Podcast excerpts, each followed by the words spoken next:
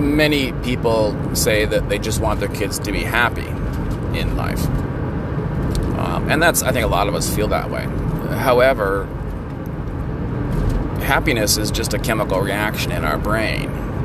It's not something or some trait. It's just the chemicals are making us feel that way.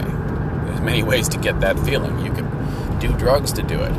There's all kinds of things you can do to get the happiness. Uh, you can feel grateful. You, you can get it. So it's not something really tangible to set as a target. And then I thought about okay, so even if you are successful in life, someone defines success as wealth. Many people who are really wealthy aren't that happy. You know? So something is amiss. You can't just be happy or you can't just be wealthy. Those those two don't work. No one can be happy all the time, right? You have to have a cycle. So you, you go up, you go down. That's the way everybody is. It's impossible to be happy all the time. And then on the other side, uh, with success, money, uh, wealth, it seems like no matter how much you get, it's never enough. So again, it doesn't seem like a kind of a target to shoot for. So then I thought about okay, how about what traits or characteristics make a person successful in life? And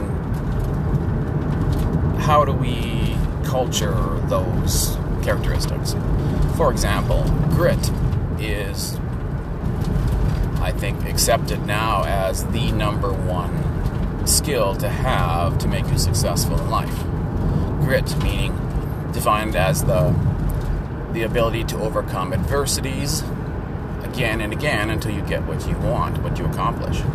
And to do that, you need to be capable. You need to be you have to have some kind of abilities. You need to be confident. So from that, we can say that all right, what if we just made kids uh, confident in their abilities and wise in their actions.